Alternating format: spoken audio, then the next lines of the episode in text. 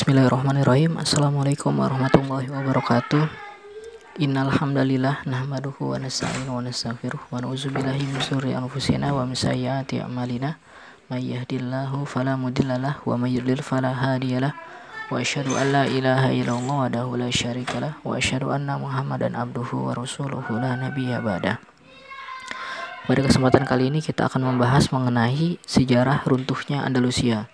Nah, karena temanya demikian, saya akan uh, membatasi ya kajiannya agar tidak terlalu meluas, tidak akan terlalu detail membahas sejarah Andalusia sampai ke detail yang paling kecil dan akan lebih fokus mengenai sosiopolitis uh, keadaan Andalusia saat itu hingga runtuhnya ya. Nah, jika kita bicara Andalusia tidak akan lepas dari tiga nama. Pertama, Tariq bin Ziyad, yang kedua, Abdurrahman Ad-Dakhil, yang ketiga, Abu Abdullah Muhammad 12. Siapa aja mereka kita akan bahas. Nah, jadi awal mula sejarah masuknya Islam di Andalusia kalian bisa baca gitu ya bagaimana uh, Malik ya bersama pasukannya melakukan pengintaian di Andalusia. Kemudian pada tahun 711 pasukan Islam gitu di bawah komando Jenderal Tariq bin Ziyad melakukan ekspedisi. Nah, dan dengan e, pasukan yang lebih besar dari Tarif bin Malik tadi. Nah, masuklah ya secara singkat gitu. Kita persingkat saja ceritanya. Tariq bin Ziyad ke suatu daerah yang kini kita kenal dengan nama Gibraltar atau sebetulnya nama aslinya adalah Jabal Torik atau Gunung Torik. Nah, di sana tempat pertama kali pasukan Torik bin Ziyad memasuki uh, Andalusia. Kemudian Andalusia ini sebetulnya daerah mana sih? Andalusia ini sebetulnya masuk ke daerah semenanjung Iberia, itu Portugal, Spanyol, dan juga Prancis. Gitu. Nah, kita langsung saja persingkat ke fase-fase kepemimpinan Andalusia di bawah Islam. Yang pertama, fase menjadi provinsi dari Khalifah Bani Umayyah itu pada tahun 711 hingga 756 Fase kedua, periode keamiran. Periode keamiran Cordoba dari tahun 756 hingga 929. Yang, yang ketiga, fase Khalifahan Cordoba atau Umayyah II pada tahun 929 hingga 1031. Yang keempat, periode Mulukul Tawaif tahun 1031 hingga 1094. Yang kelima, fase kerajaan Murabitun kerajaan Muawidun, dan kerajaan Bani Marin. Ini terjadi pada tahun 1094 hingga 1340. Yang terakhir, fase keamiran Granada di tahun 1350 hingga 1492. Saya coba jelaskan sedikit masing-masing fase dimulai dari menjadi provinsi dari Khalifahan Bani Umayyah. Dari tahun 711 hingga 756 ada lebih dari 20 gubernur yang menjadi penguasa Andalusia. Eh, banyak banget kan dari tahun 711 756 itu sekitar 45 tahun dan ada 20 gubernur lebih. Jadi masing-masing hanya memimpin Andalusia sekitar 2, 3 atau mungkin cuma satu tahun. Singkat banget kan? Pada fase ini secara politis Andalusia ini tidak stabil, sangat tidak stabil. Karena terdapat faksi-faksi politis Andalusia ada faksi barbar dari Afrika Utara, ada faksi Quraisy dari Arab Utara, ada faksi Yamani dari Arab Selatan. Dan masing-masing faksi sangat fanatis terhadap golongannya. Belum lagi diperparah dengan adanya konflik menghadapi kerajaan-kerajaan yang ada di wilayah Andalusia serta di luarnya. Hingga pada tahun 740 terjadi perang saudara yang menyebabkan melemahnya kekuasaan Khalifah Bani Umayyah sehingga pada tahun 746 Yusuf Al-Fikri memenangkan perang saudara dan menjadi seorang penguasa yang tidak terikat dengan pemerintah Damaskus atau Bani Umayyah. Lalu pada tahun 750, Bani Abbasiyah mengalahkan Bani Umayyah dan membantai seluruh keluarga kerajaan. Namun, ada satu keluarga kerajaan atau pangeran gitu ya dari Bani Umayyah nih yang bernama Abdurrahman Ad-Dakhil atau Abdurrahman I. Dia ini melarikan diri hingga sampai di Andalusia Singkat cerita, Abdurrahman Adakhil bersama para pengikutnya memasuki Andalusia dan kemudian mengalahkan uh, Yusuf Al-Fihri. Setelah mengalahkan Yusuf Al-Fihri, Abdurrahman Adakhil mem memproklamirkan diri menjadi amir dari Andalusia. Masuklah kita ke periode kepemimpinan kedua Andalusia, yaitu periode keamiran yang di mana ini merupakan sebetulnya ya keluarga kerajaan dari um, Bani Umayyah yang melarikan diri dari penyerangan Abbasiyah. Nah, periode ini terjadi pada tahun 756 hingga 929. Pada periode kedua ini kita mengenal tiga nama Abdurrahman. Pertama Abdurrahman I atau Abdurrahman Adakhil yang berarti yang masuk. Kemudian Abdurrahman II eh, yaitu Abdurrahman Al-Ausat atau yang pertengahan. Dan yang ketiga Abdurrahman III atau Abdurrahman An-Nasir sang menenang.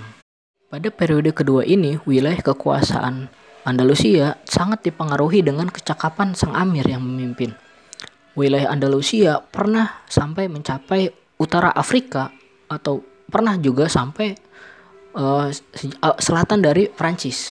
Lalu pada tahun 929, Abdurrahman An-Nasir atau Abdurrahman III memproklamirkan diri menjadi khalifah Cordova. Dengan ini berarti ada tiga khalifahan dunia. Pertama, khalifah Bani Abbasiyah. Yang kedua, khalifah Fatimiyah. Dan yang ketiga, Khalifah Umayyah II yang ada di Cordova. Masuklah kita ke fase ketiga kepemimpinan Andalusia, yaitu Khalifah Cordova. Periode ini terjadi pada tahun 929 hingga 1031. Pada fase ketiga ini, kekhalifahan Cordova atau Bani Umayyah II sangat mencapai kejayaan atau mungkin kita bisa bilang ini puncak kejayaan Bani Umayyah Bani Umayyah II yang ada di Cordova bahkan sampai menyaingi ke, uh, kejayaan dari Bani Abbasiyah dengan Baghdad sebagai pusat peradabannya dan juga Baitul Hikmah sebagai pusat keilmuannya. Namun kekuasaan Bani Umayyah di Cordova pernah disela oleh dinasti Hamudiyah pada tahun 1016 hingga 1023. Lalu tahun 1023 dikuasai kembali oleh Bani Umayyah hingga tahun 1031. Awal dari kehancuran Khalifahan Bani Umayyah di Cordova sebetulnya dimulai pada tahun 976 saat Hisham al-Mu'ayyad Billah atau Hisham III naik tahta dalam usia 11 tahun yang berarti secara aktual kekuasaan berada di tangan para pejabat. Pada tahun 981, Khalifah Hisham al-Mu'ayyad Billah atau Hisham III menunjuk Muhammad bin Abi Amir sebagai pemegang kekuasaan secara mutlak. Kini jabatan khilafah di Cordova hanya sebagai simbol. Pemerintahan sebetulnya sudah dipegang oleh Perdana Menteri. Pilih berganti Perdana Menteri dan kemudian pada tahun 1008 menjabatlah Abdurrahman Sanjul yang merupakan orang tidak kompeten. Lalu negara yang tadinya makmur dilanda kekacauan dan akhirnya kehancuran total. Khalifah Bani Umayyah di Cordova pun silih berganti. Hingga pada tahun 1003 Khalifah Hisham III mengundurkan diri karena tidak sanggup untuk memperbaiki keadaan. Akhirnya, Dewan Menteri Cordova pun menghapuskan jabatan khalifah. Ketika itu, Andalusia sudah terpecah dalam banyak kerajaan kecil yang berpusat di kota-kota tertentu.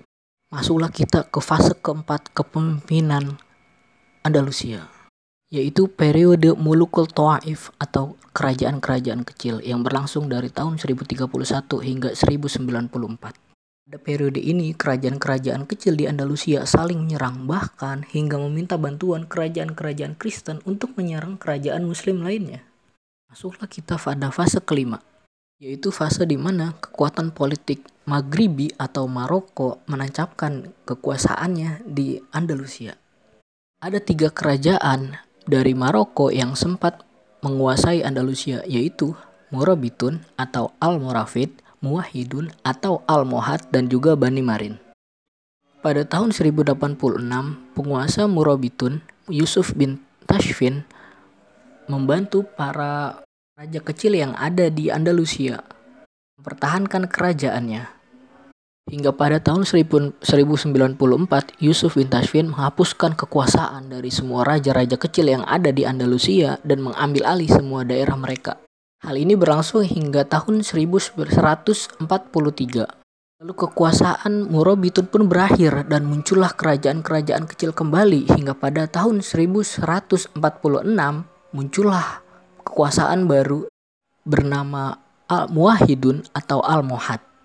Muwahhidun menguasai Andalusia hingga tahun 1212 gabungan kerajaan Kristen Castilla, Aragon, Navarra, Portugal mengalahkan kerajaan Muwahhidun.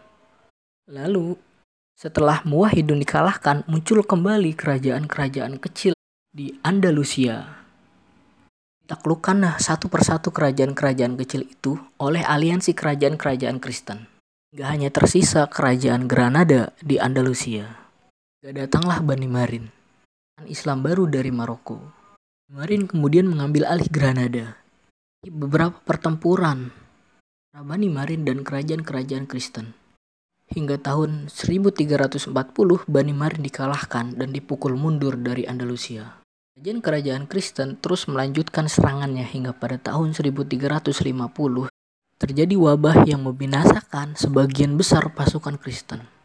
Itu terjadi perdamaian antara pihak Kristen dengan pihak Islam. Dimulailah fase keenam kepemimpinan Islam di Andalusia, yaitu keamiran Granada tahun 1350 hingga 1492. Secara politis, keamiran Granada hanya menguasai wilayah yang teramat kecil. Wilayahnya hanya mencakup Sevilla hingga Valencia.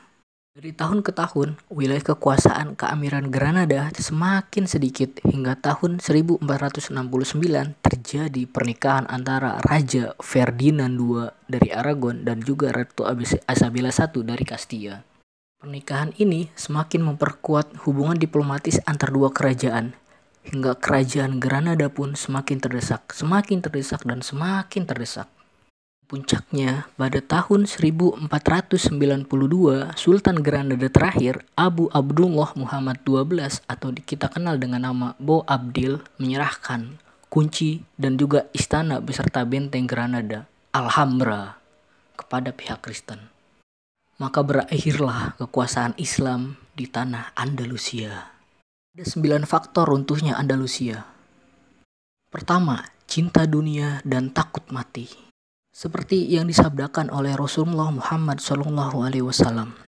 Hampir umat-umat lain mengerumuni kalian, bagaikan orang-orang yang makan mengerumuni nampan. Salah seorang sahabat berkata, Apakah karena sedikit kami pada waktu itu, ya Rasulullah? Nabi Muhammad SAW berkata, bahkan pada saat itu kalian banyak jumlahnya, tetapi kalian bagai buih di lautan. Pasti Allah akan cabut rasa gentar yang ada di dalam dada-dada musuh kalian. Kemudian Allah benar-benar akan melemparkan kepada kalian penyakit wan.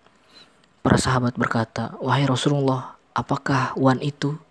Beliau menjawab, cinta dunia dan takut mati. Faktor kedua yaitu dosa dan maksiat. Para pemimpin Andalusia telah melanggar perintah Allah dan Rasulnya. Mereka berpecah belah, bertikai, mengkhianati rakyatnya demi memperebutkan kekuasaan, enggan menjaga keamanan negara dan umat, tenggelam dalam berbagai dosa dan maksiat. Mereka pun hancur, kendati jumlahnya cukup banyak, sebab umat ini tidak dimenangkan berkat kekuatan, senjata, atau kuantitas, melainkan mereka dimenangkan dengan ketakwaan. Faktor ketiga, persatuan musuh dan perpecahan kaum muslimin. Ketika tangan para penguasa Andalusia terlepas dari ikatan fitrah dan tali Al-Quran, mereka terpecah belah dan terjumur dalam perselisihan yang kian mendalam. Pasca runtuhnya pemerintahan Amir di Andalusia, terjadilah perpecahan menjadi kerajaan-kerajaan kecil yang independen.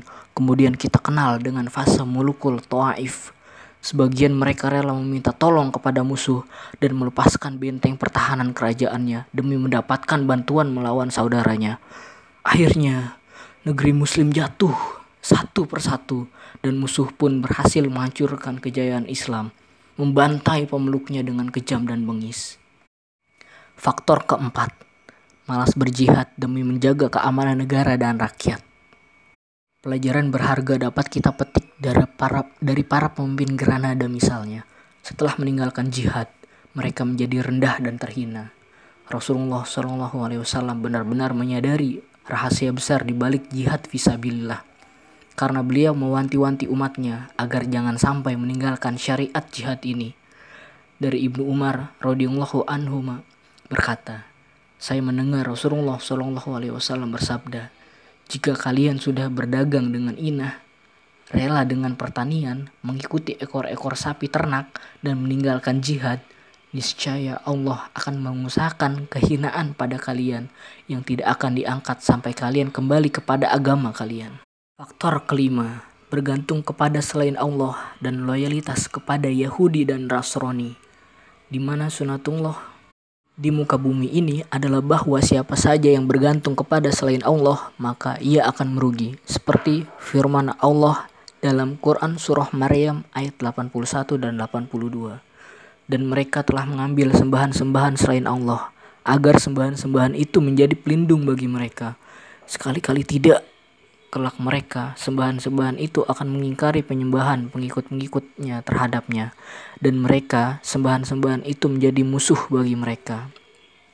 Ya, kita bisa lihat pada saat para pemimpin Andalusia bergantung dan berga, berbangga dengan umat Yahudi dan juga Nasrani yang ada di sana. Taufik Allah diangkat dari mereka sehingga mereka terpecah belah dan peradaban yang berdiri tegak selama 8 abad itu runtuh begitu saja. Siapa saja mencari kejayaan dengan selain Islam, maka ia akan merugi dan terhina. Faktor keenam, tertipu dengan jumlah yang banyak namun semu.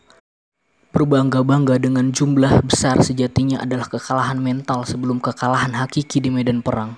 Bergantung pada unsur materi adalah penyakit dan obatnya adalah tawakal kepada Allah Subhanahu wa taala tanpa melupakan usaha dan persiapan maksimal. Usaha adalah unsur material yang diberikan Allah Klaim tidak memerlukannya adalah penolakan langsung terhadap penghambaan yang diwajibkan atas manusia. Siapa bersungguh-sungguh, ia pasti berhasil. Barang siapa menempuh jalan yang benar, niscaya ia akan sampai ke tujuan. Faktor ketujuh, kalah mental. Kalah mental dan psikologis adalah penyakit kronis, akan menyebabkan perpecahan, perselisihan, dan cinta dunia.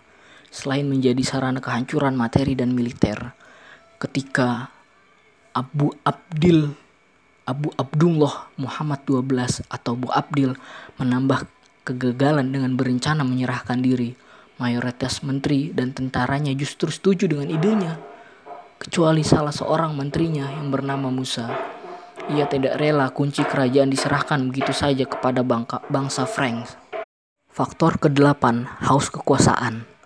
Sejarah Andalusia menjadi bukti nyata di mana para pemimpin dan penguasanya memuja kekuasaan, mengorbankan segalanya demi meraihnya, dan berjuang mati-matian demi mempertahankannya. Agama ditinggalkan, dunia dikejar, dan perpecahan terjadi di mana-mana. Akhirnya mereka lemah dan menjadi bola pingpong di tangan musuh. Bukan hanya itu, penyakit ini memicu utama terjadinya pertumpahan darah menghalalkan harta dan kehormatan sesama muslim demi kenikmatan dunia sesaat.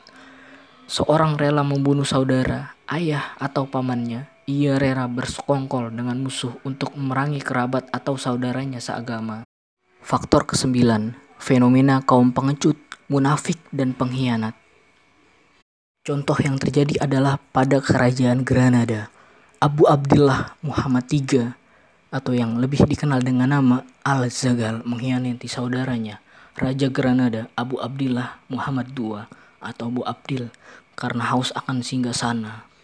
Mereka semakin melemah, kemudian menjadi mudah untuk dikalahkan. Lalu di, lalu di suatu bukit, Bu Abdil menatap kembali istana Alhamra, mengenang kejayaan yang telah sirna dengan air mata yang menderes, yang menderas mengalir di pipinya. Ia terus menangis sampai-sampai ibunya, Aisyah Al-Hurrah berkata, Tangisilah kerajaanmu seperti wanita, karena kau tidak bisa mempertahankannya sebagai pria sejati. Bukit itu kini dikenal dengan nama Zofrat Al-Arabi Al-Akhirah atau tangisan terakhir orang Arab. Saya rasa sekian, mohon maaf apabila ada salah, silahkan dikoreksi Assalamualaikum warahmatullahi wabarakatuh.